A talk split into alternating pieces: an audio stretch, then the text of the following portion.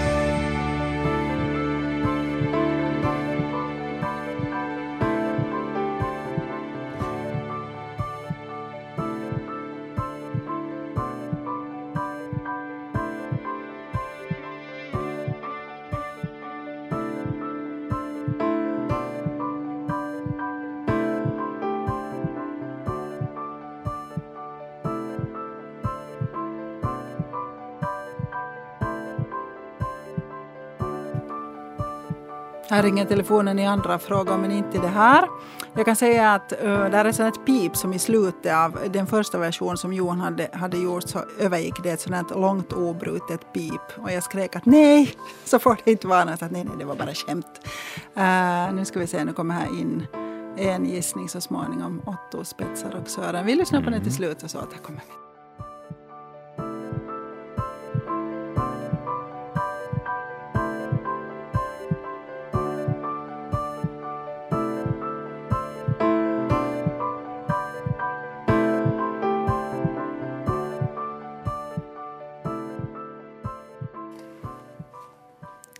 Här är en gissning som är rätt. Ja, hjärtljud. Och det är kanske det som är lite svårare. Vi säger att, vi säger att om det nu inte kommer in något rätt svar med fler eh, ljudgissningar med en gång, så du som gissar på hjärtljud så får ta och eh, ge, ringa på nytt till Milla och eh, ge din adress så får du en febertermometer. För det hjärtljud är inte helt lätt. Hörde du det Otto? Jo, det ja, hörde jag. Okej, det finns och alltså det har jag inte hört hjärtljud. tidigare, för det kommer, det kommer in så, så sent att liksom, vanligtvis så brukar den fejdas, den här melodin, så att vi det. börjar prata utanpå det där.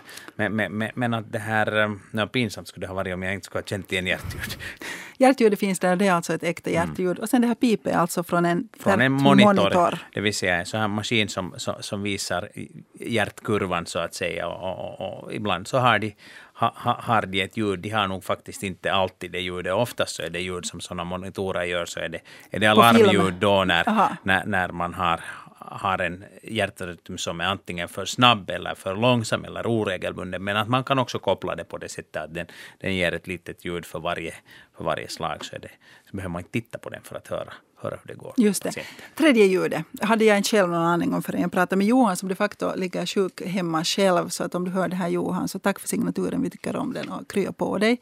Uh, om du har frågor så kan du ringa och fråga nu. Exakt, 0600 11 12 13. Ring och berätta om din signaturmelodi och berätta om dina problem just nu. Uh, tredje ljudet är sjukhusakustik.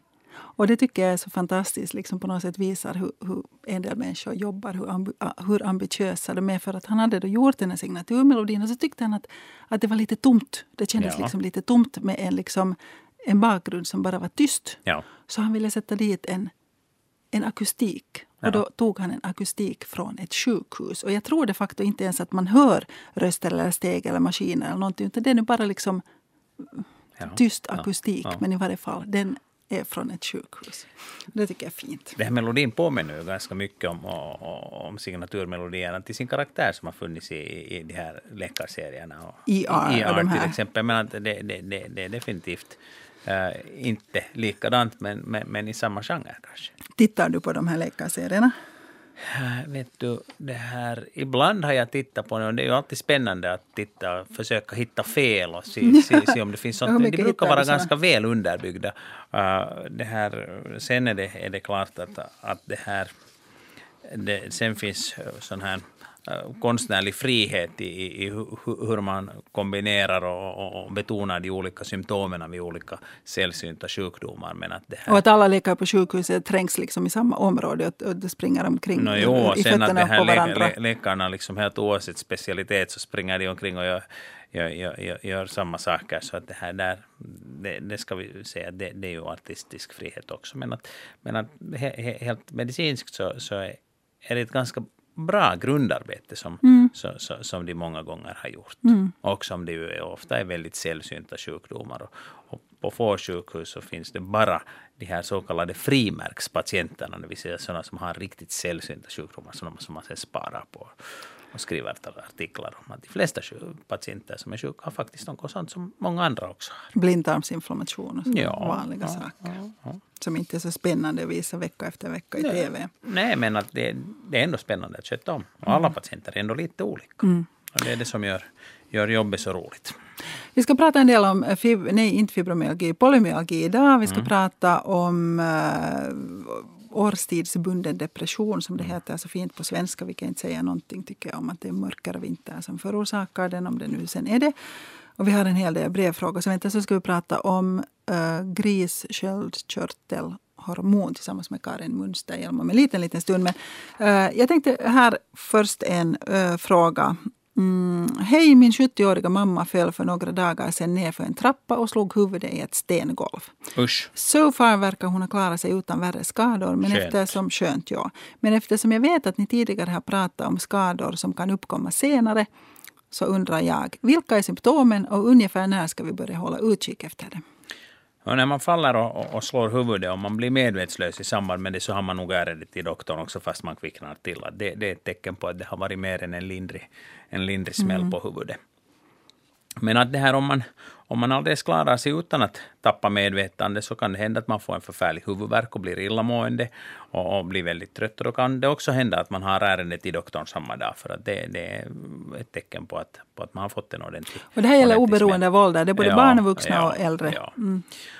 Och det här, men, men att sen kan det hända att man, man har ont i huvudet lokalt på det ställe som man har slagit, blir en bula och man går vidare så här och, och, och, inte upplever några större, större förändringar. Men det kan ändå hända att det har blivit en liten blödning innanför, eller mellan skallen och, och, och den hårda hjärnhinnan. Och, det här då, det kallas subduralhematom.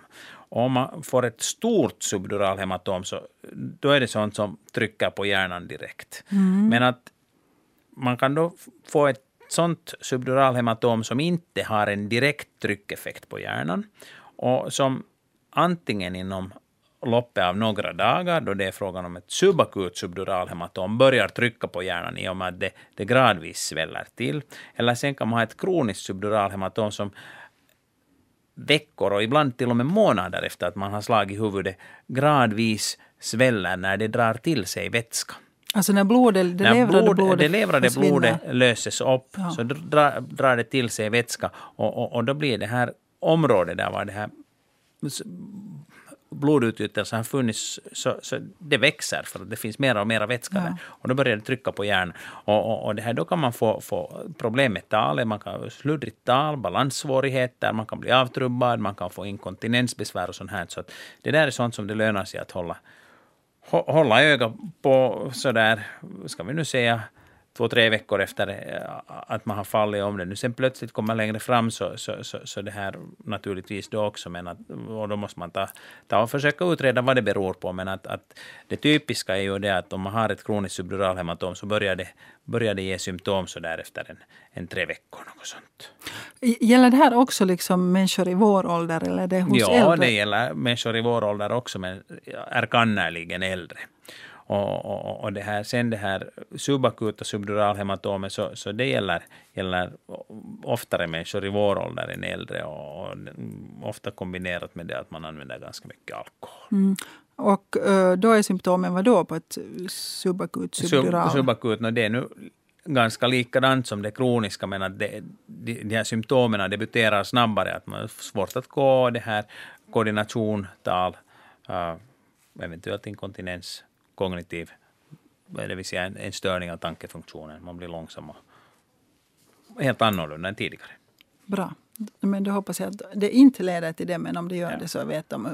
Och vad gör man då om man opererar och tar bort Nå, om man vätskan? Eller? det första man gör om man misstänker att det är frågan om ett subduralhematom så gör man en datortomografi. Då behövs det inte en magnetundersökning utan en datortomografi. Uh, magnetundersökning fungerar alldeles jättefint men det, det finns färre magnetundersökningsapparater och, och det är lättare att få en datortomografi. Datortomografin å andra sidan är förknippad med en, klart stö, med en strålbelastning. Det finns ingen strålbelastning i samband med magnetundersökning. Och då ser man att om det finns vätska mellan hjärnan och skallen på ett sånt ställe där det inte ska finnas vätska eller för mycket vätska någonstans. Om det finns något sånt så tittar man att hur ser patientens symptom ut. Om patientens symptom är allvarliga så gör man ett, ett litet hål och släpper ut överflödet. Och sen är det bra med det. För, för en tid sedan så fick vi ett brev från en svensk pappa vars dotter hade sköldkörtelunderfunktion. Ja. Och hon mådde jättedåligt av det eh, tyroxin som hon fick på apoteket. Alltså T4 är det som ty- tyroxin Ja. innehåller. Och hon vill ha tag i naturligt hormon från sköldkörtelhormon från gris Ja. som då innehåller både T4 och T3 och kanske lite 1 och 2 också. Heter Armored tyro- Mm. Thyroid, hur det nu uttalas. Och det här är alltså i Sverige, sen är vi lite, vi diskuterade det här i radiodoktorn, i Sverige är det tydligen jätteboom. Alla patienter med sköldkörtelunderfunktion vill ha det här och anser att, att det är det enda de mår bra av. Och i Sverige är det jättesvårt att få det för att det finns få läkare som har licens att skriva ut det. Här i Finland så är int- intresse mindre hos patienterna men det är å andra sidan lättare för, för läkare att kunna skriva ut det. Men det finns inte så många läkare som gör det eller är insatta i det här. Karin Munsterhjelm är en av våra finländska läkare som har skrivit och skriver ut det här grissköldkörtelhormonet. Och dig har vi på tråden nu. Hej, välkommen med i radiodoktorn. Ja, hej. Eh, Är det mig du talar Ja, med det är det jag pratar med. Ja, jag hör dig nämligen lite dåligt som jag, som jag sa.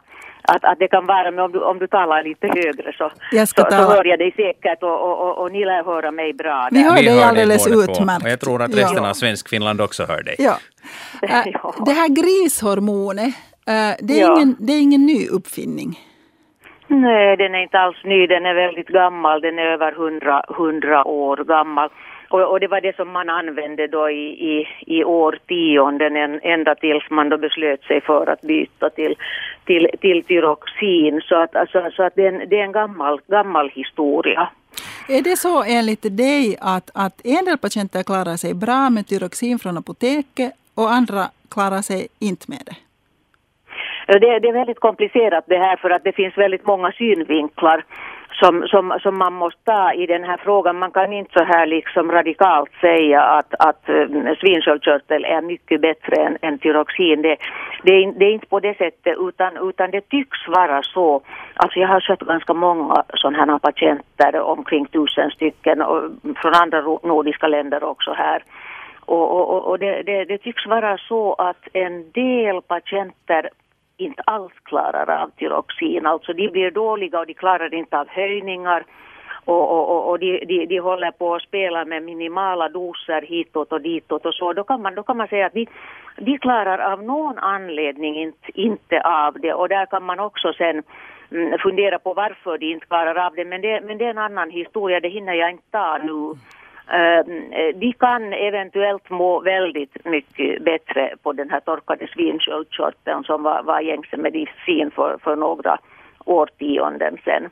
Mm, men att det finns ännu mera synpunkter på hela den här historien för det finns nämligen också sådana patienter som inte klarar av tyroxin, som känner sig dåliga av det men som inte heller klarar av, av svinsköldkörteln, alltså som heter tyroid eller amortyroid. Det finns olika sorter och olika producenter. Alltså bakgrund... Och, och, det där, ja. Eh, och, och, och, då måste man försöka med det som heter liotyronin och som är enbart T3 och det, det, det är syntetiserat liotyronin och det kan fungera fantastiskt bra. Men, men man måste då veta också hur man handskas med det, att det är ett, mycket kortverkande hormon och, och, man måste ge det flera gånger per dag och så här. Så, så det här, det här är en, en, en, stor historia och, och, det finns väldigt mycket olika synpunkter. Det är alltså så att äh, kroppen ska omvandla T4 till T3? T4 omvandlas i vävnaderna till T3 och T3 är den, den, aktiv, den aktiva hormonen egentligen. Det är det som kroppen sen använder sig Precis. av. Ja. Men och, finns det liksom, kan man ha, har man kunnat bevisa att det finns människor som inte klarar av att omvandla T4 till T3? Det har, man kunnat, det, det, har man kunnat, det har man kunnat visa i, det finns vissa studier på det, inte många men det, men det finns vissa. Och, och, och, det där, mm, det här, den här omvandlingen eh, den, den sköts av ett eh, ett eh, enzym som heter 5-prim-deiotinas. Ja. Eh, och det här enzymet är mycket intressant, de här deiotinasenzymerna är mycket intressanta. Eh, det här behöver alltså selen och, och, och, det kan störas av många olika saker. Det kan störas av, av tungmetaller och också andra miljögifter. Så, så, att det är en ganska sån här knepig sak och sen dessutom behöver, eh, behöver den här omvandlingsproceduren behöver att, eh, att, att vår, vår binjurebark alltså mm, som producerar kortisol då, att, att, att det fungerar perfekt ska vi säga. Så att, att eh, det, det här är en lång och stor mm. historia. Om, om man tycker att man inte det är mycket, mår... mycket som kan, kan inverka här. Ja. Om man tycker att man inte mår bra av tyroxin, kan man kolla hur mycket fritt T3 det finns i kroppen? Alltså, kan man mäta mm. det här på något inte, sätt? Man kan inte säga att man kan kolla hur mycket det finns i, i, i kroppen, man kan kolla hur mycket det finns i, i, i. I blodet. Ja, men det är inte nödvändigtvis så att det alltid förklarar det, dina symptom. Nej, just det. Så att, så att det som jag nu skulle vilja säga här, som är jätteviktigt, är mm, att man måste vara medveten om att vi behöver ju mätmetoder och vi behöver labbprov och det är jättebra med labbprov ofta men vi måste också vara medvetna om att vi kan inte sköta patienterna enbart på basen av labbprov, åtminstone när det är frågan om hormoner. Utan, utan, utan vi, måste, vi måste stämma av, liksom. vi måste se hur patienten mår, vad för symptom patienten visar, hela anamnesen och så vidare och sen stämma av mot proverna så att vi tar liksom allting i beaktande och, och, och skapar en, en helhetsbild mm. av allt det här. De patienter som du har haft, vilka symptom har de haft när de har kommit till dig de patienter som har kommit till mig så de har ju liksom snurrat runt i vården hur länge som helst så att det är ofta väldigt, väldigt sjuka patienter och eftersom jag också haft mycket patienter från Sverige mm. så, så, så, så det, för att liksom söka sig över viken till Finland så uh, behövs det ju ganska mycket motivation så att de, de har varit hemskt sjuka patienter. Hurdana symptom det är trötthet en hemskt viktig sak och jag tycker, jag tycker inte riktigt om ordet trötthet därför för att det, det, det, är inte alltid ett riktigt rättvist begrepp för att det är mycket, mycket mer än trötthet. Det är utmattning, det har varit patienter som inte har kommit upp ur sängen på flera år. Jag har haft många sådana patienter. Vad, vad tycker du om begreppet fatig? Vad sa du? Fatig. Det, det, det är ett, ett bet, bättre begrepp och Ja, jag, fatig, våra finska, ja, okej. finska kollegor använder ibland fatikki. Ja, ja, ja men, men det, det kanske inte heller visar den fulla dramatiken liksom i Ja. hela den här Men, situationen. men, men trötthet, så där så många tänker sig att det är frågan om det att man är sömnig och så här, medan det i själva verket är, så här, är Just ofta det. en väldigt så här fysisk känsla som inte nödvändigtvis har att göra med det att man, man, man- man, man gärna skulle sova. Ja. Kraftlöshet. Och, och, och sen utmattning när det, när det, man säger ju ofta så här om någon klagar över trötthet att nå trötta är vi nu alla lite ibland och så här men, men, men, men det där det, det, det är liksom mera en trötthet när, när människor börjar liksom långvarigt och klaga över det. Det är någonting som inskränker hela funktionsförmågan. Men det är en sak. Men, men, men sen kommer det ju väldigt mycket mm, andra, det finns ju uh, symptom som uppträder vid hypotyreos, uh, hur många som helst egentligen. Men, men det där, mm, vi ska säga depression är ett väldigt vanligt symptom. Eh, sen vid, vid, ska vi säga långt gången hypotyreos, där det då inte, inte fungerar som det ska, så, så det där får eh, utveckla patienterna mm, lättare högt blodtryck och, och mm, övervikt och, och, och det där mm, diabetes också. Högt Och, och kolesterol. sen, sen, sen finns det någonting som heter myxödem som är, är, är väldigt intressant också. Det är en sån här eh, musinartad eh, bildning i kroppen som är, är naturlig och som finns men som finns i mycket högre grad hos de som har har hypotyreos och som är typiskt för den En sjukdomen. sån väts, vätskeansamling, en, en svullnad. slags svullnad. Ja. Eh, vad säger du, alltså, ni- jag tänker själv eftersom jag själv äter tyroxin och, och ibland tänker att det skulle vara så lätt att när jag är trött och när jag har risigt hår och när jag går upp i vikt. Och det skulle vara så lätt Ja. att skylla alla de här symptomen på att medicinen fungerar inte. Medan jag själva verket nu tror att det är för att jag rör mig för lite och äter för mycket och, och blir allmänt äldre. Att jag menar, eh, tror du att alla de patienter som tror att de Men behöver... så gammal är du väl inte att du borde vara trött Nej, men äldre.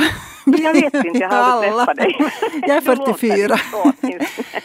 Men, men eh, är det, tror du att alla de patienter som tror att de behöver naturligt eh, svinsköldkörtelhormon faktiskt behöver det eller kan deras symptom bero på andra saker? Ja, naturligtvis kan det vara på det sättet också, men, men det där... Jag kan, nu bara, jag, jag, jag kan inte säga någonting annat än de patienter som jag har sett och de är, de är ju sådana här, efter, eftersom det var så pass, så pass ovanligt då när jag började jobba med det här så, så det tog ju lång tid för dem att, att hitta och, och, och, och det där de, de, de patienter som jag har haft när jag då bland annat har skött med det här, jag har ju också behandlat mycket, mycket med, med vitaminer och mineraler och, och, och, och kostrekommendationer och sånt här och så vidare och så vidare. Men, men, men det där, mm, de har i allmänhet varit sådana, sådana som har försökt faktiskt Mm. och försökt och försökt och försökt sköta sig Och bra. bli, just det.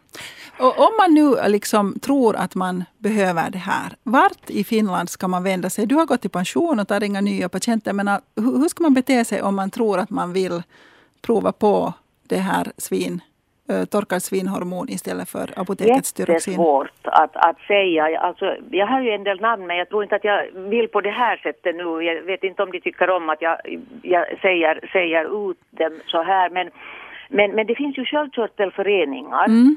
som har börjat eh, få upp ögonen för det här. Sen, sen finns det sådana här nätgrupper som diskuterar de här sakerna. Kilpirauhas forum till exempel som jag vet. Jag har aldrig gått in på dem själv för jag har tyckt att de får sköta sitt. Mm. Men, men, men det där, mm, eh, de vet nog och, och, och de har listor på olika läkare och jag vet att det finns endokrinologer också som har blivit intresserade. Mm. Kanske du kan ge uppgifterna åt mig? kanske försiktigt intresserade men, men, men, men ändå. Och, och det, det finns lite utspritt i hela Finland och, och, sen har jag också patienter när jag, när jag långsamt börjar förbereda dem på att nu, nu småningom så går jag i pension eh, så, så, så hittade de hälsocentralläkare som, som, som var beredda att sätta sig in i det Ja. och, och, och, och skriva ut den här licensansökan också. Så, att, så att det, det är inte helt omöjligt men att det är ju inte så där att, att tåga in till vem som helst. Nej. Men det, det, det är finns... så pass okänt. Men, men det som jag skulle, ännu skulle vilja säga så här, för att jag, jag, jag, när jag har den här möjligheten att prata rakt ut i radion så, så, så, så, så skulle jag vilja säga det att, att det finns många fina, fina, duktiga, gamla eh, läkare och jag skulle till och med vilja säga pionjärer från till och med mitten av 1900-talet eller längre, längre bak som har gjort fantastiska arbeten och som glöms, glöms bort helt och hållet. Och det är inte bara i fråga om det här utan det är frågan om annat också. Och det, det tycker jag är lite sorgligt. Det finns jättefin kunskap från långt bak i tiden. Var ska man hitta den då? Vad sa du? Var ska man hitta den? Ja, Du menar det har tagit Kari mig 20 säkert sån kunsk, det kunskap i som läkare borde, bo, Mm, bo, borde borde, borde inhämta och kanske inte så mycket för patienterna. Eller? Mm. Vad sa du? Den här kunskapen som du hänvisar till, så det är säkert medicinska studier från...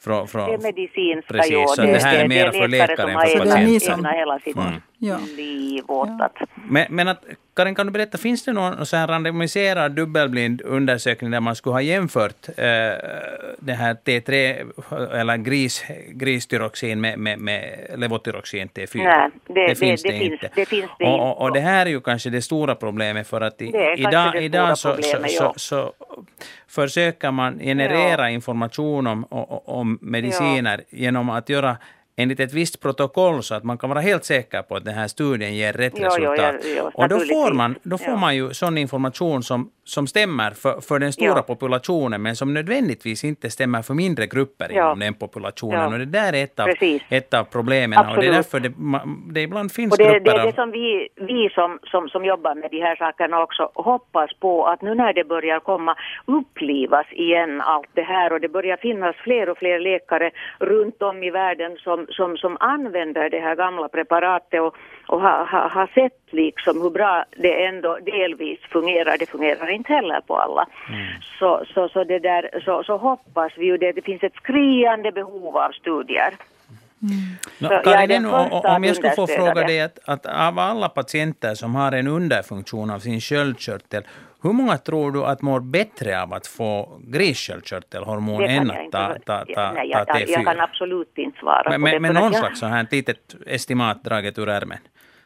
jag kan inte dra det ur ärmen, för- förstår du, jag har ju sett bara de här. Ja, precis. Jag har sett bara de här som har kommit till mig, men det som jag kan säga är att av dem som har kommit till mig, dessa ungefär tusen patienter, Mm.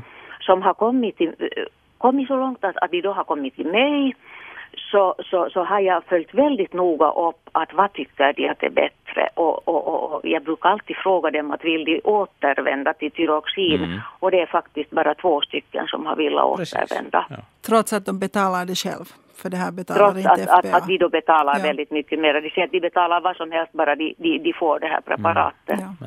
Tack ska Men du det är ha. inte, det är ju ja. inte sådär bara att använda det utan man måste liksom lära sig hur man ska använda det. Man måste lära sig hur man långsamt fasar ut tyroxin och långsamt fasar in eh, den här tyroid och, och, och, och det där.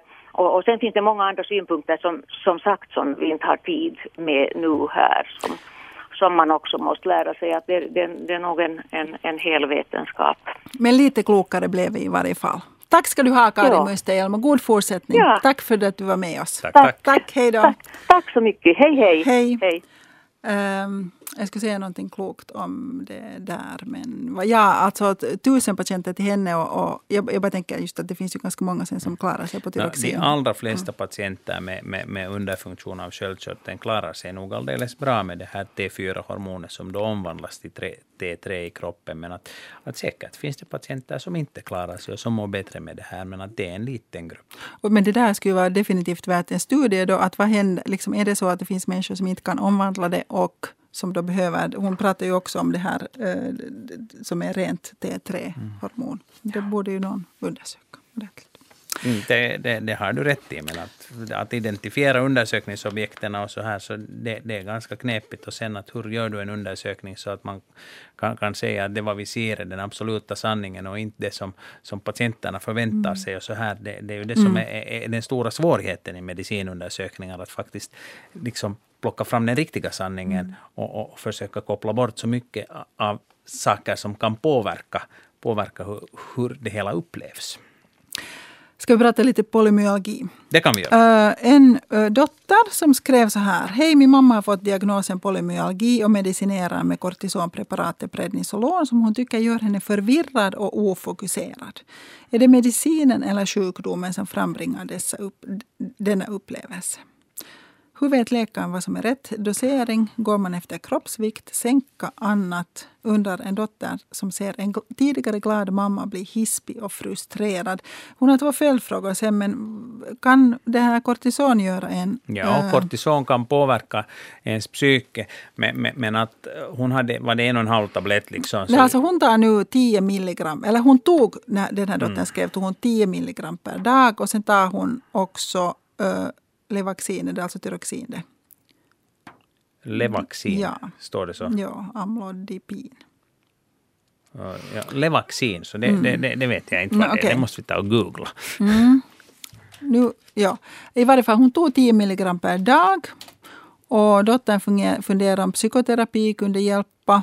Uh, och uh, Okej, okay, Levaxin det är alltså ett svenskt, rikssvenskt preparat med, med, med T4. Just det som ju också då kan ge en del symptom också. Och nu då skrev hon här igår att min mamma övertygar läkaren om att minska dosen prednisolon och tar nu 8,75 milligram. Är det mm. så noga med milligram?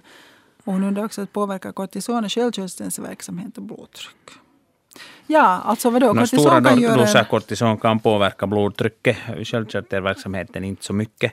Uh, kortison kan påverka ens psyke och riktigt stor, alltså när du tar en stor dos kortison så sover du sämre om du tar det på kvällen och därför ska man ta sitt kortison på morgonen för att det, det är det bästa sättet att hindra det från att, att försämra din nattsömn. Riktigt stora kortisondoser kan göra det att du, du blir irriterad.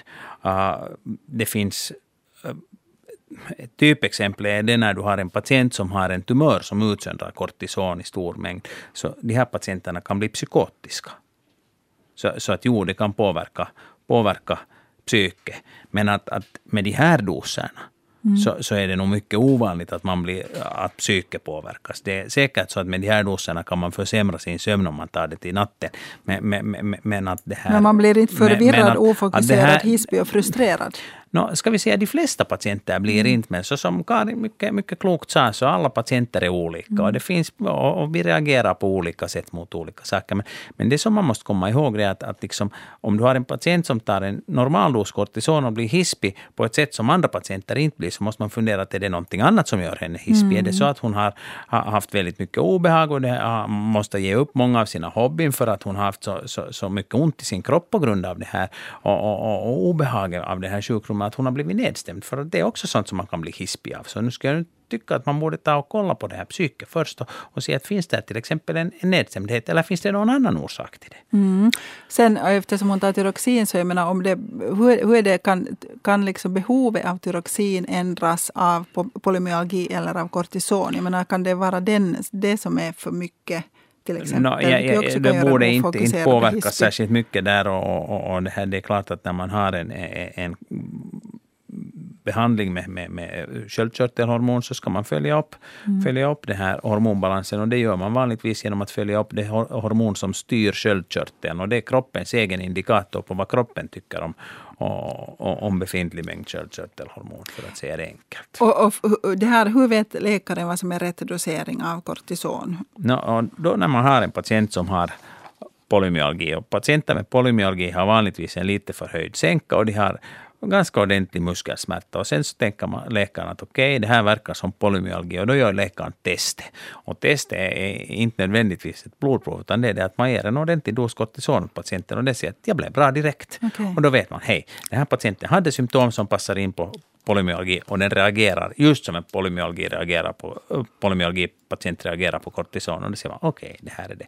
Sen kan man yttermera ta, ta en provbit från tinningartären, för ibland så har polymyalgipatienter också en inflammation i, i, små artärer, men det har det inte nödvändigtvis alltid. Men det är det som är, kan vara farligt, för man kan förlora synen om man inte tar sitt Om man har en, en blodkärlsinflammation så kan också de blodkärl som för blod till ögonbottnen äh, bli inflammerade och täppas till och då kan man bli Mm. blind. Och det, det, det, det är ju tråkigt. Så att det här hur patienten reagerar på kortison, om kortison, reaktionen på kortison är, är liksom omedelbar, så, så då, det tyder på att det är polymyalgi. Och sen drar man ner den där dosen gradvis. Man kan sätta in en 40 milligram till exempel om man har en patient med mycket symptom. Har du en patient som dessutom har huvudvärk och, och inflammerade, så att uppenbart svullna och sjuka tinningartärer, så kan du sätta in en ännu högre dos, 80 milligram om det. Mm.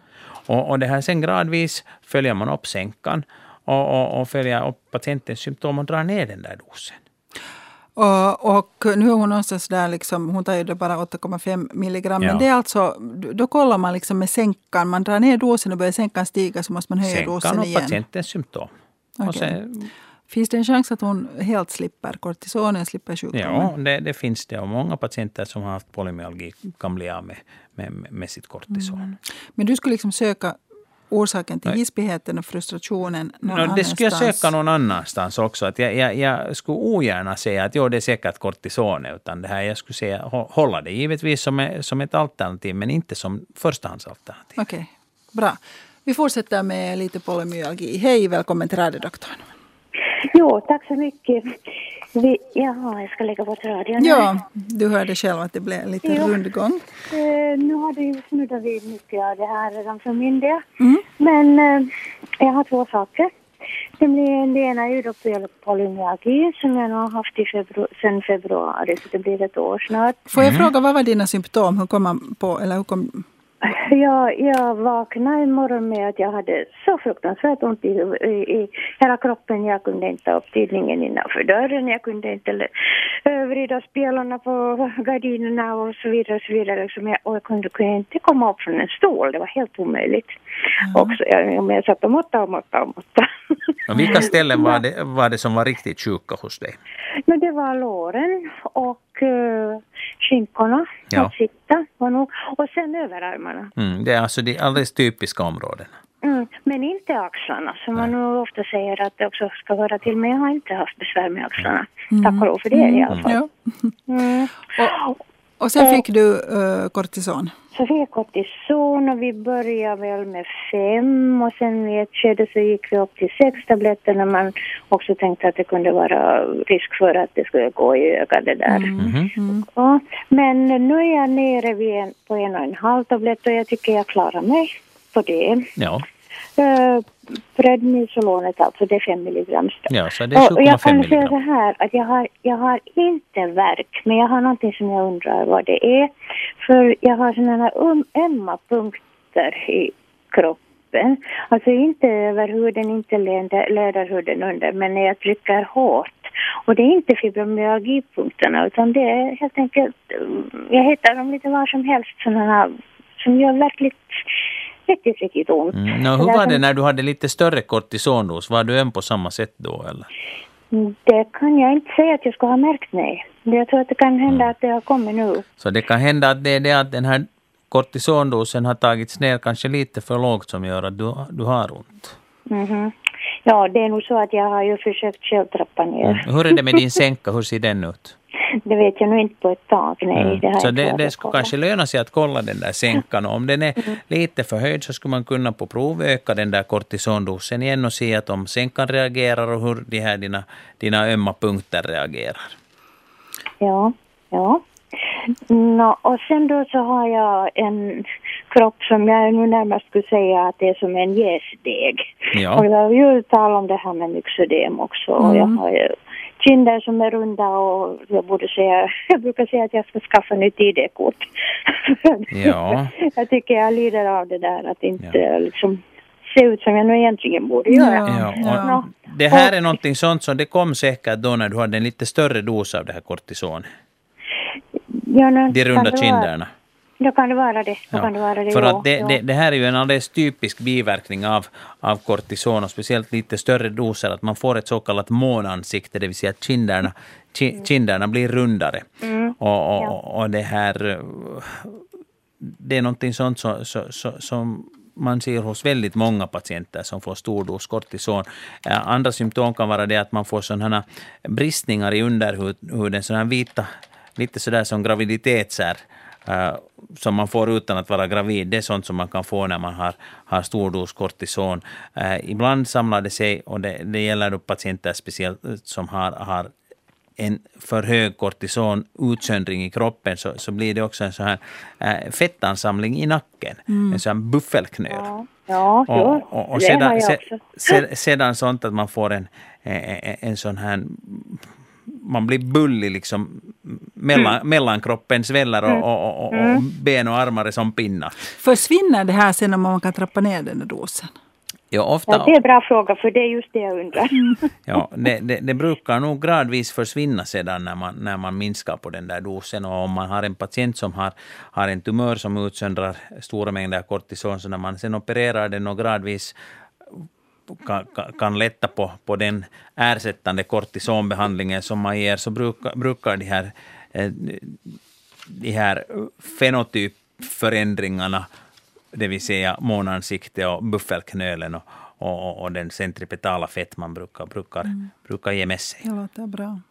Ja, Du sa att du dessutom har en, en bisköldkörtlar som producerar för mycket. Eh, jo, alltså, ehm, ja, den här bisköldkörtlarna de har en, gör en överproduktion och eh, själva Sköldkörteln. sköldkörteln. Så den går på underproduktion. Just så. Och, och så har jag då besvär med, med att kalkupptagningen i kroppen, den fungerar inte. Det är väl bisköldkörtlarna som ska Ja, det är bisköldkörtlarna så, så, så det här, de, de driver ut kalk ur kroppen egentligen. De, de plockar fram kalk ur skelettet och släpper ut det i blodet så att du har antagligen lite förhöjd äh, kalkhalt i blodet.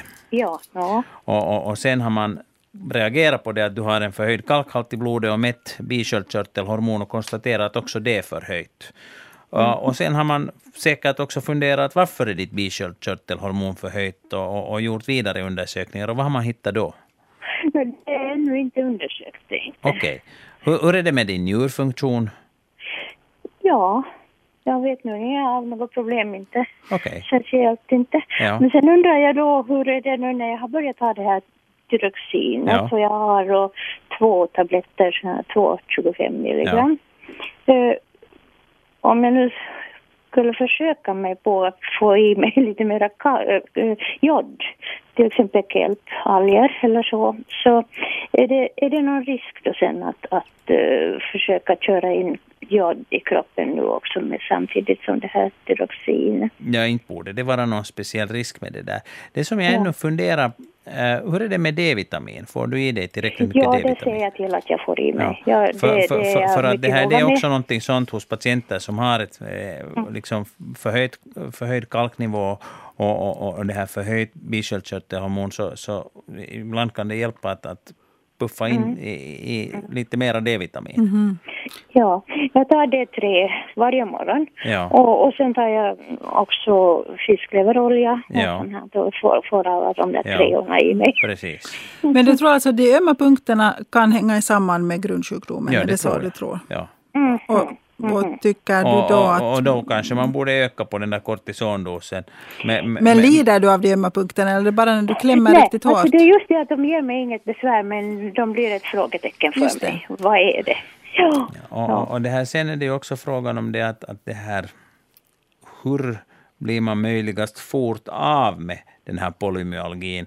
Att Ja. Är det så att man sk- liksom ska supprimera symptomen så att de är helt borta och, och, och, sedan gradvis släppa, släppa, släppa av med den här kortisonmedicineringen? E-, eller är det så att man ska nu försöka kontrollera symptomen med möjligast liten kortisonmedicinering? Jag tror själv att det lönar sig att ha en hygglig medicinering på och, och, och, och tidvis försöka lätta på den och se att kommer symptomen tillbaka istället mm. för att försöka vingla med en möjligast liten medicinering. Mm. Och stå, ut med, stå ut ja. med myxodem och, och skaffa sig ett nytt passfoto. Nej, inte, inte myxodem. Det, det, alltså, det var, en, det, okay, det var men annat. den här månansikte, ja, månansikte, månansikte ja. och nytt passkort. Ja. Mm. ja. Blev du alls klokare? Jo, det är åtminstone nu så vidare att jag ska nog gå via hälsocentralen och ta mm. de här proven och se, se, lite vad det säger. Precis, Bra. det, det ska väl följas upp ja. ändå. Ja. ja. Lycka tack till och tack för samtal. Det var tack, intressant. Tack och en riktigt god jul till er. Detsamma, god jul. Hej då. Hej. Um, en kille på 33 år, det här brevet kommer från Sverige, alltså via, vi har ganska mycket svenska lyssnare som hittar oss via webbdoktorn, men det här har faktiskt kommit till, till radiodoktorn. Och jag hoppas att han lyssnar. En kille på 33 år som har haft sex med några tjejer den senaste tiden. När jag hade sex så, så hade jag använt kondom under samlaget men inte när vi haft oralsex. För två veckor sedan började det svida när jag kissade. Jag hade flytningar och ollonet var rött och, ö, rött och ömt. Såg ut som om det var infekterat. Sen har dessutom haft ögoninflammation som är skött med penicillinsalva och han har funderat om de här två sakerna hänger ihop. Jag misstänkte att jag blev smittad antingen av gonorré eller klamydia och köpte två stycken Kefexim-tabletter, 400 milligram, och två Acitromycin-tabletter, 1000 milligram, på ett online-apotek. Jag tog dessa fyra tabletter på en och samma gång enligt användarinstruktion för tio dagar sedan. Jag har nästan inga flytningar alls och det svider inte lika mycket när jag kissar som förut. förut. Pyttelite sveda kan komma någon gång men oftast inte alls. Mitt ollon är inte ömt längre men fortfarande rött. Jag har också på apotek köpt Kortimyck som jag har använt i tre dagar och efter det fick jag tips att jag skulle smörja med Pevaryl mot svamp eh, och det har jag gjort i två dagar. Och han skriver att jag vet att det är svårt att svara på rak arm och att man måste testas för det ena och det andra. Men vad tror ni sådär spontant, hur troligt är det att jag har gonorré eller klamydia? Eller urinvägsinfektion? Och finns det någon annan behandling man borde testa?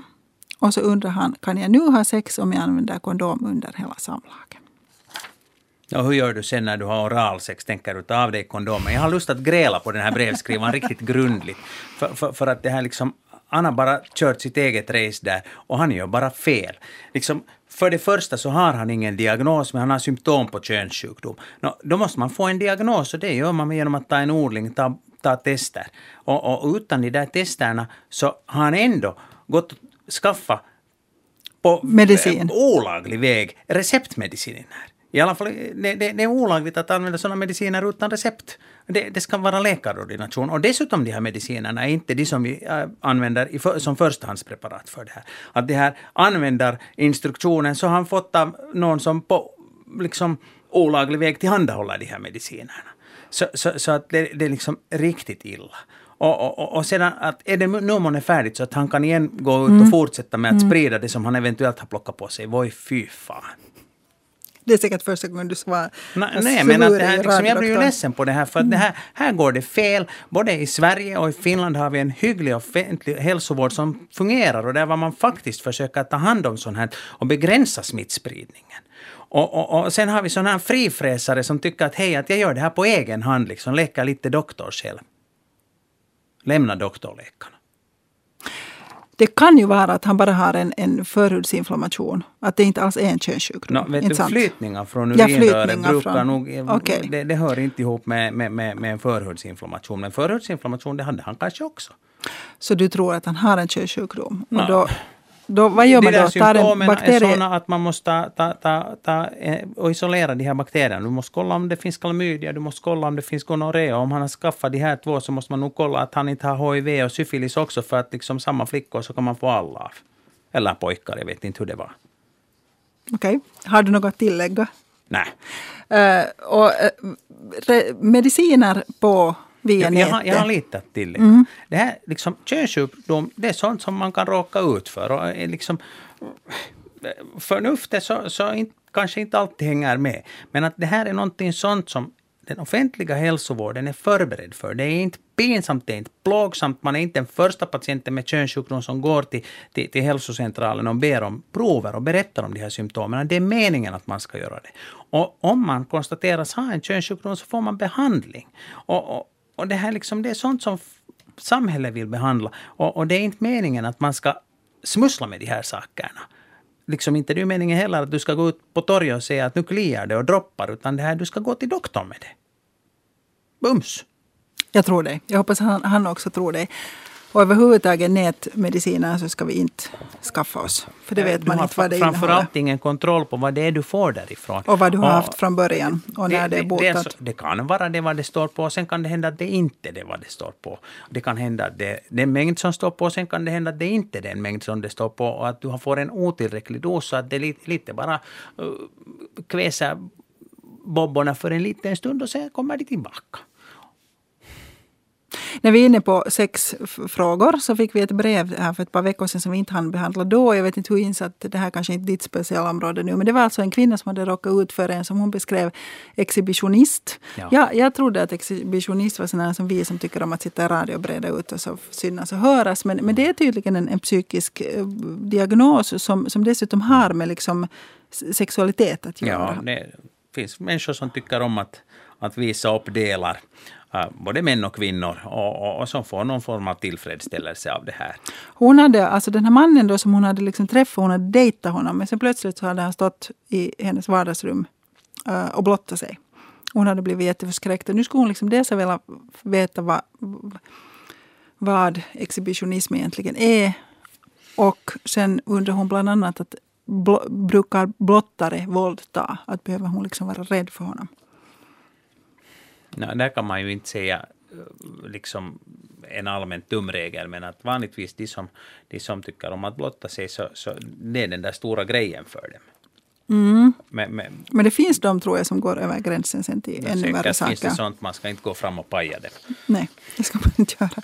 Så vårt råd till henne är att hon kan liksom, mm. det är helt okej okay att inte, inte ha så hemskt mycket med honom att göra efter det här. I synnerhet om hon, nej, nej, men hon liksom gjorde ju inte, liksom, alltså hon blev ju illa berörd av det här. Hon blev illa berörd, mm, så och då, ska hon då, inte. då måste man dra sina slutsatser. Precis, bra. Uh, men att, att det här, vad, vad är normalt och vad är inte normalt, så det där är ju en svår fråga och sånt som idag anses allmänt accepterat och normalt är sånt som har klassificerats som sjukdom för, för, för, för inte för allt för länge sedan. Och, och, och det här, och, och, då måste man komma ihåg att var och en har, har, har rätt att bestämma vad den tycker att är okej och vad den inte tycker att är okej. Ja, ja, precis. Just det. Om man tycker det, ja. Men jag och, tror inte att hon tyckte det här var okej. Var och en har också en skyldighet att se till att man inte skadar andra. Precis. Det har du rätt i. Uh, TGA, alltså det, det var egentligen så att vi fick ett brev um, från en lyssnare som skriver att, att hon var med om en konstig sak. Hon hade varit nere i källaren tillsammans med sin man och plötsligt, så stod, plötsligt stod vi utanför vår dörr utan att jag hade någon som helst minne av hur vi hade tagit oss upp. Det var alltså inte som när man kör bil och sitter i egna tankar och sen plötsligt tänker oj, är jag redan här? Utan det var som uh, helt, ett helt konkret hopp i tiden. Från källaren till lägenhetsdörren. Att vi gick ut ur källaren, stängde dörren och tog hissen upp var helt borta ur mitt medvetande. Jag frågade min man om jag hade betett mig konstigt, men det hade jag inte. Å andra sidan hade vi inte pratat under uppvägen. Och hon undrade om det kunde vara frågan om en TIA-attack. Men vi har väl kommit till att det inte var en TIA-attack. Det verkar inte som en TIA-attack. Hur gammal var hon den här damen? Det sägs inte. Ja, och inte vet man heller någonting om hennes allmänna hälsotillstånd från tidigare. Men det var ju en ganska kort attack, det, det, om inte hon mm. bor i en hög skyskrapa. Så, så, så, så, det här så var det ju en, en mycket kort, kort period som, som det inte blev en minnesbild av. Det finns någonting sånt som heter äh, TGA, så här, transitorisk global amnesi, att det liksom ingenting fastnar i minne och det blir inga minnesspår under en sån attack. Och den kan, den kan räcka, den räcker vanligtvis inte hemskt länge, men den kan räcka ett, ett dygn nästan. Okay. Och, och, och, det här... Hur beter man sig under den tiden? No, beter man, man kan bete normalt? sig ganska normalt, nog förvirrad. För det är liksom... Det, det, i och med att det inte blir något minnesspår så vet man inte riktigt hur man har kommit dit där var man är och så mm. här. Och så, så, att man är, är, lite förvirrad men att, att det här beteendet kan nog se alldeles normalt ut. Och uh, vad beror det här på då? No, det vet vi inte riktigt, men att det här man misstänker numera, no, det finns en teori att det skulle vara så att det är ett migränanfall som, som helt enkelt går fel och, och ställer till med en sån allmän depolarisering av, av, av det här, um, eh, äh, hjärnbarken. Man kan tänka sig att, att det, det, det har att göra med med eh, en överaktivering av, av det som kallas det limbiska systemet och att det frigörs för mycket av vissa, vissa sådana signalsubstanser i hjärnan. Men, men, men sen finns det också en annan förklaring och det är det att det blir en, en blodstockning i hjärnan. Och det här hänger ihop med det att, att hos många som har en sån här TGA så, är det, är det liksom, så föregås det av någon slags fysisk aktivitet mm. och, och, och, i samband med vilken trycket inne i, i, kroppen kan stiga, liksom, krysning eller, mm. eller något sånt här. Och man vet inte hur det var med den här som skrev brevet, att var det så att hon lyfte något tungt i källaren? Ja. Så, så det kanske skulle passa in. Och, och, och, och hos de som då har, har TGA så har man konstaterat att det finns um, lite, eh, vissa små förändringar i, i venerna som gör att trycket inne i, i skallen kan stiga lättare än hos, hos andra människor. Så att man misstänker att det här kanske skulle kunna vara en, en mekanism bakom. Är det här farligt? Är det, no, är det så det, att liksom, det, det, liksom, kommer leda till något värre? Där var en T-attack ökar risken för en, en blodpropp i hjärnan, en hjärninfarkt, så är det här någonting sånt där var du inte har en sådan negativ prognos, utan det här är någonting sånt som går över och, och, och som inte nödvändigtvis äh, visar att det, det, finns en större risk för tråkigheter. Och det kan vara att det är ett enskilt fenomen som aldrig kommer tillbaka? Ja. Okej, om man har varit med om en sån här sak, ska man låta undersöka sig? Ja, det är alldeles klart att du måste undersöka det, för det kan ju vara någonting annat. Så det här TGA så är en uteslutningsdiagnos. Du måste utesluta att det inte finns någonting annat, liksom en blödning eller något sånt här. Så att, så, så, att man kan inte bara om man ha, har en nära och kär som plötsligt inte kommer ihåg någonting, säger vi tror att det är en TGA, vi väntar nu lite och ser att det här, nu lönar det sig att börja, börja pallra iväg sig till jouren och i bästa fall så, så har symptomen gett med sig när man kommer till jouren. Och, och, och, och, det här, och då är det ändå skäl att undersöka patienten mm. och se att vad var det månne som hade hänt. Och är det ingenting som man hittar så då kan så man, kan man säga det på det här. TGA sannolikt. Bra. Nu går vi över till lite hudcancer. Tror jag. Hallå, välkommen till radiodoktorn. Ja, tack. Hej. Hur kan vi hjälpa? Eh, jag undrar hur det är med hudcancer. Om den håller det här på huden eller far den inåt? Det här är en bra fråga. Det finns många olika sorters hudcancer. Jag tror att det är. Basaliom. Mm. Basaliom är en, en godartad form av hudcancer. Det är en sån som inte skickar metastaser. Jaha. Och, och, och, det, här, det är också en mycket vanlig form av hudcancer. Basaliom sprider sig i, i planet så att säga. Den växer infiltrativt ut från det ställe var den har startat. Och, och därför är det viktigt att man tar bort det med marginal så att, så att de här, man får bort den, den här tumören? Det är tre gånger med tre stygn här borta. Så långt är det nio stygn liksom. Det, det var på är det på samma ställe? Jo, det, det börjar ja. här på... Och en nippa bara som jag hade här. Ja. Det var så små vattenpärlor runt omkring. Ja. Och jag tyckte inte det var någonting men min man han var ledd och han sa att, men, att vis nu doktorn är där och mm. så sa hon vi tar bort det. Ja. Och så, så sa hon då att, att patologen sa när hon tog först bara med tre stygn att det är för nära ja. brösten att hon måste ta mera. Ja. Och så blev det keloid. Ja. Och så skickade hon mig till Pejas och de satt kortison. Ja. Tre gånger fick jag kortison där runt omkring så for det bort men nu är det nog rött igen. De tog nog prov på ena sidan här uppe på det är i Borgå nämligen. Ja. På K-mottagningen så tog det bort. Men där var ingenting. Men nu hit på andra sidan, på vänstra sidan så hade det kommit sån liksom en udde ut. Ja. Och där är nog, den är nog så röd och ibland så river det lite i det där. Och, Ja, då kanske man borde ta en provbit av den också. Ja. Keloid det är alltså när ärrvävnaden börjar växa ja, det är en slags, en slags överväxt av ärr. Och, och, där finns det stora individuella skillnader. Somliga människor får, får aldrig keloid och sen är det andra som, som oavsett hur lite, hur lite skada det är så blir det alltid en jätte, jätte så här bulligt utstående ärr. Och det kallas då keloid. Jo, det, det blev som liksom ett finger, liksom, det ja. skulle bli tjockt som en... Mm. Alldeles. Och nu har det kommit nog tillbaka det där röda. Det ja. blev alldeles nästan borta, men nu har det kommit tillbaka det ja. röda. Precis. Höjdningen så igen. att om det, om det var så att, att det såg så, så bättre ut emellan och så, så, så, det här, så tror jag nog att det lönar sig att titta att vad, det, vad, vad det kan vara där. Ja. Men basaliom i princip skickar inte metastaser Nej, basaliom, och man dör det, inte det, i det. det. Det är alltså en godartad form av, av hudcancer. Och, och ska vi se på det sättet att det finns det finns två undantag då det gäller basaliom, eller, eller egentligen så många undantag som det finns kroppshåligheter, eller öppningar till kroppshåligheter.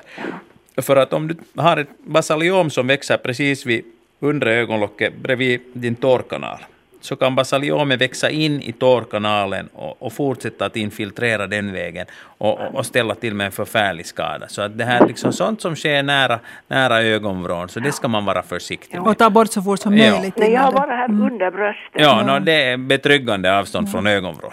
Och det andra hålet du pratar om är Nå, näsan. Näsborren. Och, och, och, och näsan är, är sån att det är svårt att se in där. Munnen är, är lättare, för där kommer man hemskt mycket lättare åt. Okej. Och på tal om ni pratar om tyroxin, jag äter tyroxin men jag har inte mått något, jag mått, har mått bra utav Ja, de flesta patienter som får tyroxin mår ju jättebra. De blir friska. Först har de underfunktion Jo. av sköldkörteln och mår dåligt och är trötta och svullna och, och, och, och, lustlösa och plötsligt så, så blir de Nej, som har må- vanliga igen. Jag, jag fick lite för mycket en tid och så började jag svettas så Ja, förfärligt. precis. Men eh, så tog de bort och nu har jag haft bra Ja, nog. ja. Jag har många år haft Ja. det. Bra. Då när du fick tyroxin första gången, så vad hade du för symptom då, kommer du ihåg? Mm, Jag var bara att ta mina årsprov och så hade jag allt annat var bra Jaså. då. Men då var, det var på 80-talet. Precis, d- då var, då var det sån här... Men då hittade de att det var att jag hade med, med det där, just den där att jag må- började, med, började ta tyroxin. Ja, precis. Så då, då, då var det så att de hittade inga symptom hos patienten, men de hittade en avvikande siffra som de behandlade. Ja. Jo.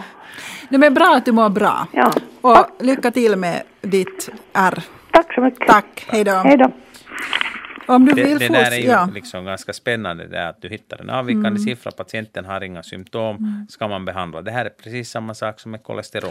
Men i det fallet vet man väl att förr eller senare börjar hon få symptom. Ja, men nu kan Inte man ju sant. också fundera på, på att, liksom att, att följa upp henne så, precis på samma sätt som du följer upp henne när du har gett den där medicinen åt henne och se att hej, får hon symptom? Och, och, det var uppenbarligen så att det kan inte ha varit en väldigt allvarlig sköldkörtelbrist. Hon hade en ganska liten dos, två tabletter hade hon nu och kanske hon börjar med en tablett. Så att det var nog en vad man kallar subklinisk hypotyreos, det vill säga en, en su- subklinisk underfunktion av, av sköldkörteln. Subklinisk subklinisk betyder- betyder det att hon inte hade symptom av det.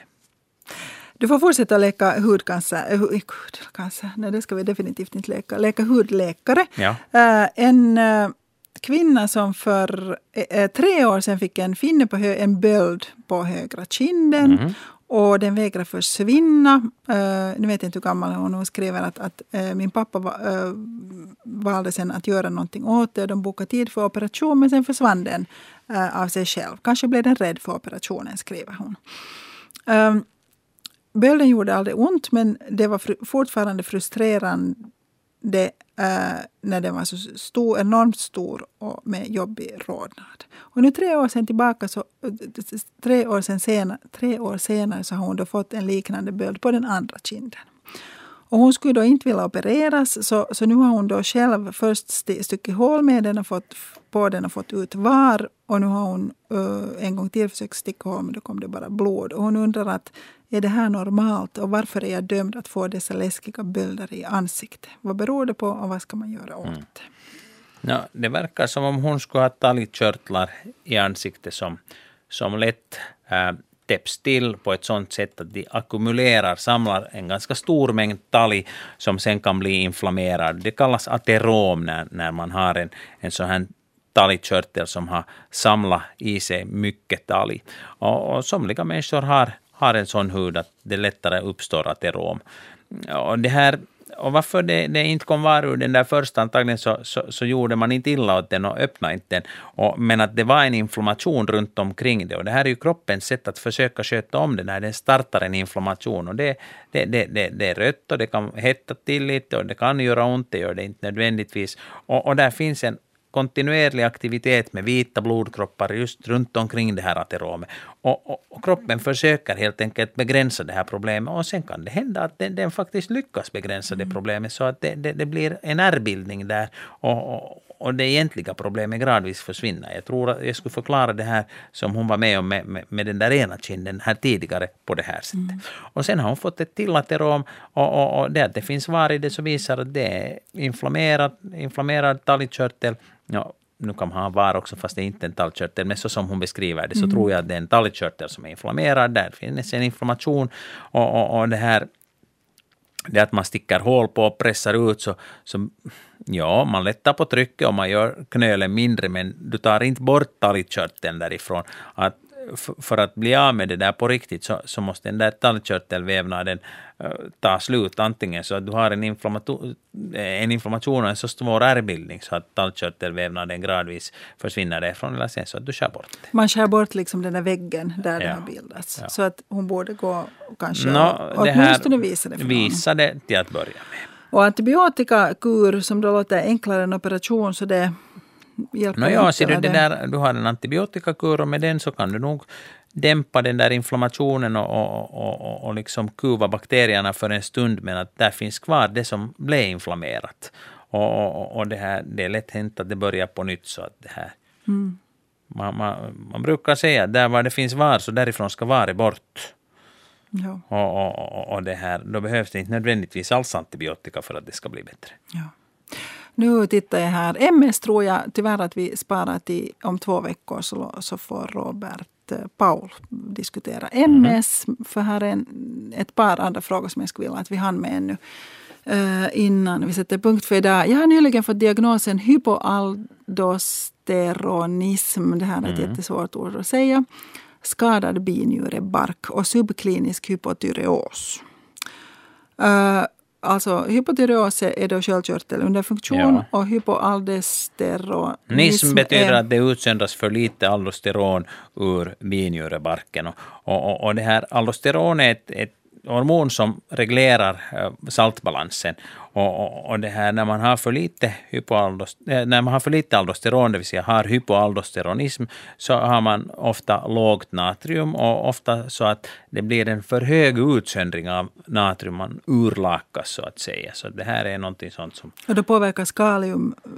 ja, in, indirekt påverkas det också. Vad, vad ger det för uh, symptom och, liksom, och vad beror det på? Jag menar, ibland man kan ha tumörer på de områdena då kan det leda till en hyperfunktion. Men varför får man en underfunktion? No, hon har en underfunktion av sköldkörteln och hon har underfunktion av, av, av binjuren och då kan man tänka sig att där finns någon form av sån här immunologisk reaktion som, så, som angriper de här hormonellt aktiva vävnaderna i kroppen. Hur behandlar man det då? No, det här... Där, där finns många olika, olika tillvägagångssätt och, och jag, jag kan inte säga på basen av den, den information som man har här att, att hur, hur man okej. ska gå, gå tillväga med det där. Hon undrar vad är skillnaden på Addisons sjukdom och hypoaldosteronism? No, Addisons sjukdom, så där är det huvudsakligen så att det, det är binjuremärgen, det vill säga det, det här äh, kortisonet som, som saknas. Den här, binjurarna bildar för lite kortison och då blir man, man, man, man sjuk och får också störningar i saltbalansen. Men, men, men, men att där är det huvudsakligen avsaknaden av kortison och genom att tillföra kortison så kan man, kan man häva, häva Addisons sjukdom. Mm.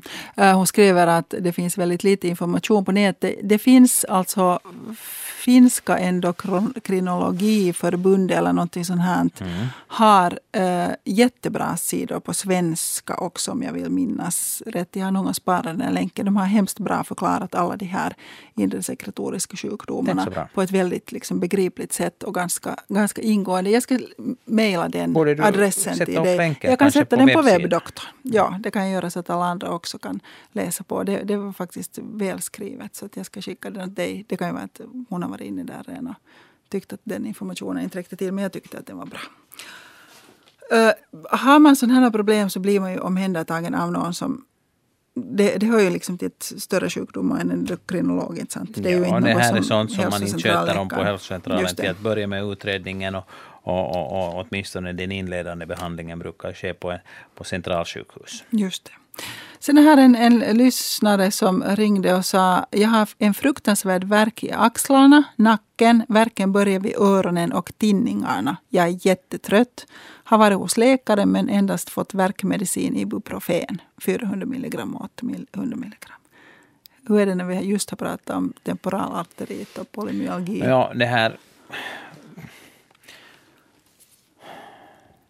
det, man, man kan ju inte säga förrän man har tittat på patienten och klämt på den och kanske tittat på sänkan. Men jag tror att den här patienten har en normal sänka och jag tror inte att den här patienten har ont i sin höftregion vilket man skulle vänta sig om det skulle vara fråga om en polymyalgi. Okay. Utan jag tror att det här är en Spända muskelspänning i, i nacke och skulderregion som sen ger upphov till en, en strålningssmärta som känns i huvudet.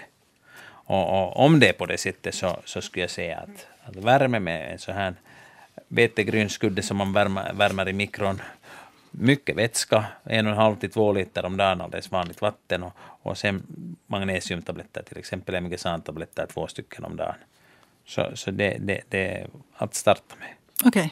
Bra, då hoppas vi att hon får hjälp av det. Men att, och som sagt, får hon inte här, så, så sänka, sänka nej, alltså om det skulle vara polymyalgi. Mm. Men du säger, om så hon då har sänkan. ont och, och, det gör ont när hon klämmer på tinningen och, och, och det, det ömma, kän, kän, ja. tinningen ömmar och den hela tiden är öm och det kanske känns, finns, känns en tjock korv där så det, det är definitivt meningen att gå till doktorn då. Ganska och ganska fort. snabbt. Ja.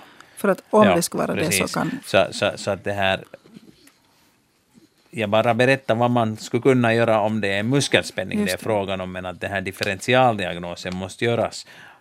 Att ska man göra utredningar för polymyalgi och en eventuell blodkärlsinflammation, mm. det, det, men det är en sån sak som en läkare måste göra. Så att, mm. gå till doktorn. Tillbaka.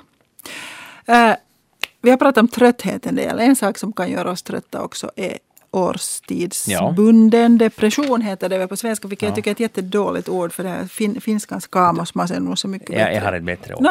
Mörkerblues. Mörkerblues. Det, okay. Jag tycker det låter ja, men Då inför vi det, mörkerblues. Ja. Jag såg faktiskt på att det någonstans på engelska kallas det winter blues. Winter blues Mörkerblues är bättre. Eller okay. winter blues. Ja. Okej, okay, ja. mörkerblues. Ja. Uh, jag har liksom alltid trott att, att det var gav samma symptom som andra depressioner. Att man är nedstämd och ledsen och ingenting känns roligt. Och mm. man känner liksom skuldkänslor och dåligt självförtroende och, och så här. Men, men det har helt egen... Alltså, det är framförallt liksom en enorm trötthet. Mm. Inte sant? Ja. Och Ökat sömnbehov. Det kan du ha i samband med en vanlig depression också, också. men det är ju inte för det mesta inte det ledande symptomet i samband med en, med en vanlig depression. Och sen kan det hända att du har en tendens för depression och dessutom tendens för mörka mm. depression, så det, det där går lite, lite ihop med varandra, men det kan se olika ut. Och igen så, så måste man vara väldigt ödmjuk och komma ihåg att det finns inte två likadana patienter och samtidigt vara väldigt glad som läkare att det inte finns två likadana patienter, för det är det som gör jobbet intressant. Men ett ökat sömnbehov, alltså ja. de här människorna sover går tidigare och lägger sig, har ja. svårt att komma upp på morgonen, tycker ändå att nattsömnen liksom aldrig räcker ja, till hur mycket de är lite melankoliska, har en sån känsla och sen har, blir det en lätt tillbakadragenhet från social aktivitet, från fysisk aktivitet, sexuell aktivitet, så här liksom tillbakadragenhet. Sånt ser du nog också i samband med en vanlig depression. Ja. Och, och, och sen och ofta en, en förändrad aptit, Uh, antingen så att man äter mera eller mindre, det ser du också i samband med en vanlig mm. depression. Det som är typiskt så är att det finns ett, ett visst kolhydratsug hos de här patienterna som har mörkare depression. Choklad. Men choklad botar depressionen också. Ja, men sug efter go, ja. go, snabba sug efter kolhydrater. snabba kolhydrater. Ja. Uh, och, och, därför så brukar också vikten hos de här patienterna gå upp. Mindre fysisk aktivitet, mm. mera kalorier in, mm. så det här, liksom den ekvationen slutar Leder vara på ett till, sätt. Ja. Sant? Och sen koncentrationssvårigheter. Så det här är de, de ledande symptomen vid, vid, vid mörkerblus så att säga. Och, eh, och värsta symptomen liksom november och januari ja. läste jag. Att december brukar kännas lite lättare med alla julglitterljus. Ja, sen är det på det sättet att det här uh, så fort vi får snö på marken så blir det ju också ljusare. Ja. Det har vi ju faktiskt väntat på i år. Nu kom det lite. Men no, inte var det mycket. Ja, nej. nej. Den här tiden brukar det ju ha varit snö, kanske Precis, en månad. Precis, förra året så hade man skottat en hel del redan. Ja. Och, och, så att snö gör ja. symptomen lindrigare eftersom ja. det reflekterar Precis. ljuset. Och nu i år så är det sådana verkligen mm. mörka Men vad ska man göra om man känner... Och, och, det som är annars också väldigt viktigt att komma ihåg att mörka blus, det är sånt som man har inte när man är hemskt ung. Och visst finns det barn som också, också reagerar på det sättet.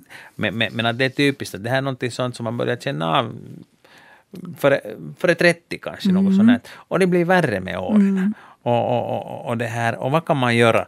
Man kan skaffa en klarljuslampa, det är sånt som lönar sig.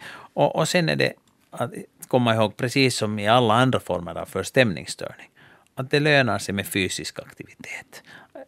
Det är, liksom, det är jätteviktigt att vara fysiskt aktiv, att röra på sig, ut och promenera. Och, och inte liksom bara liksom tycka att det är så obehagligt och tycka att man inte orkar. Mm.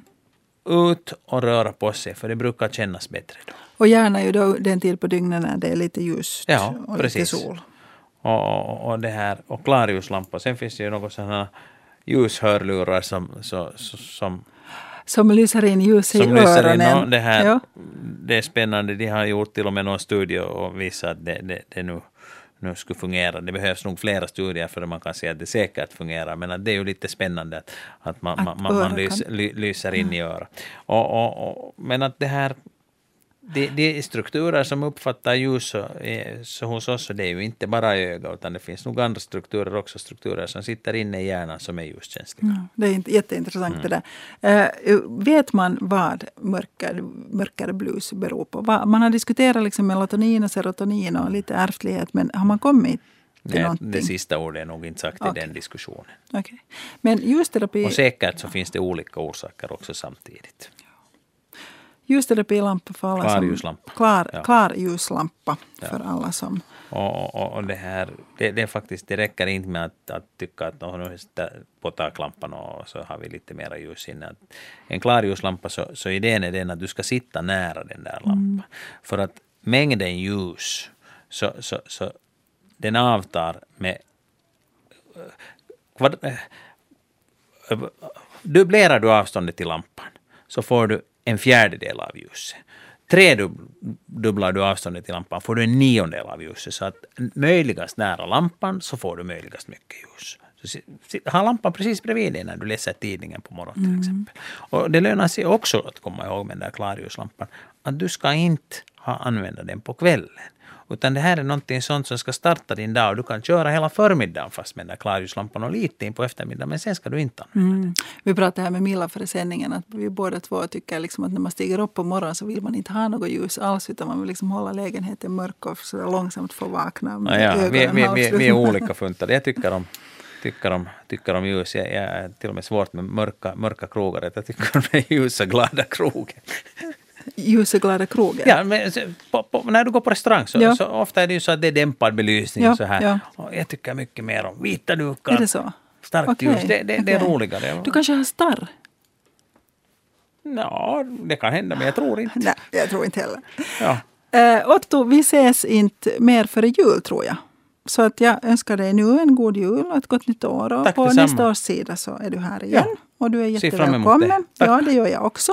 Uh, på webbdoktorn, svenska.yle.fi webbdoktorn finns faktiskt um, uh, en text om mörkare blues som Otto nu döpte det till. Så då kan ni gå in och läsa vidare där om symptomen och eh, behandling. Vi fick just in en, en fråga om värk i nacken och axlar. Men den sparar vi till nästa gång. Då är Jan-Magnus Björkenheim här. Han är ortoped. Och eh, då kan vi diskutera sjuka nackar och axlar. och slitna höftleder och eh, brutna handleder och sånt. Och vill ni skriva till honom på förhand så gör ni det till radiodoktorn postbox 12 00024 rundradion eller radiodoktorn.vega yle.fi.